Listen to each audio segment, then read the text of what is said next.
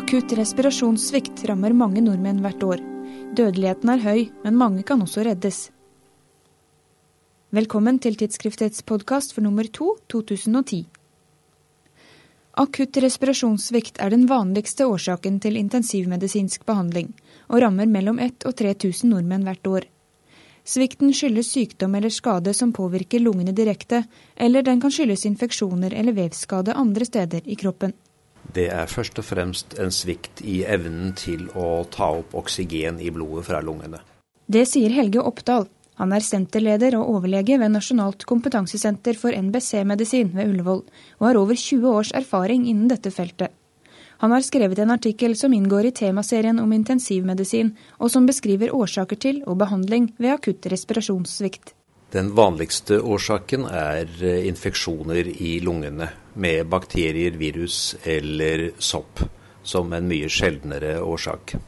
Et direkte traume mot eh, lungene kan også fremkalle akutt respirasjonssvikt.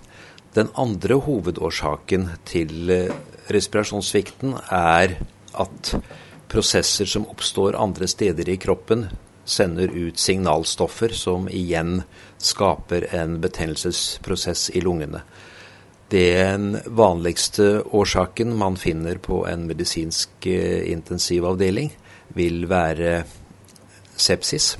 Store skader med vevsknusning, brudd og lignende vil også kunne starte en slik betennelsesreaksjon, som så forplanter seg til lungene og gir respirasjonssvikt. Den sistnevnte typen respirasjonssvikt er mest alvorlig og har en dødelighet i sykehus på mellom 30 og 50 Mange pasienter vil trenge respiratorbehandling, men først forsøkes andre tiltak. Ved en respirasjonssvikt så er første trinn det er å øke oksygenmengden i inspirasjonsluften.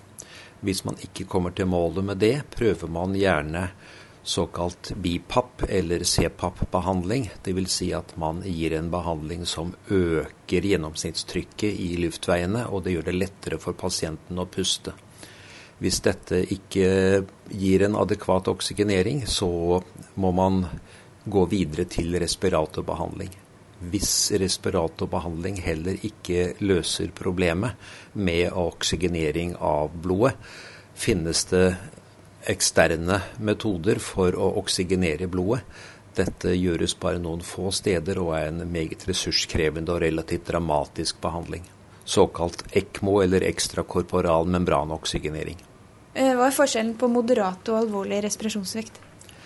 Ved en moderat respirasjonssvikt har man en nedsatt evne til å oksygenere blodet, men intervensjoner som ekstra tilførsel av oksygen eller eventuelt CPAP-behandling vil kunne hjelpe pasienten gjennom den vanskelige situasjonen.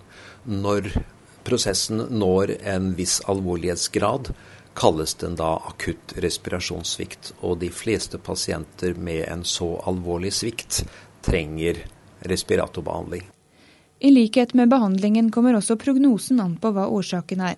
Akutt lungesviktsyndrom, altså der årsaken kan ligge andre steder enn i lungene, er reversibel hvis grunnsykdommen er det.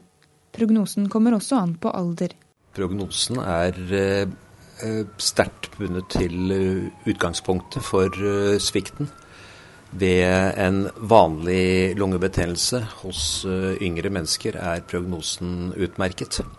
Ved en eh, svikt som skyldes sykdom andre steder, er prognosen nokså avhengig av om man klarer å helbrede den underliggende sykdomsprosessen.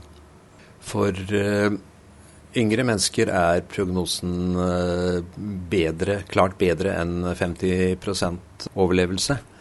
Store uselekterte materialer viser at hvis man tar alle typer pasienter, fra tidligere unge friske og til gamle og multisyke, så er dødeligheten i gjennomsnitt et sted rundt 40 Du kan lese hele artikkelen til Helge Oppdal, i tillegg til flere artikler om intensivmedisin, i tidsskriftet nummer to. Vi høres igjen om to uker.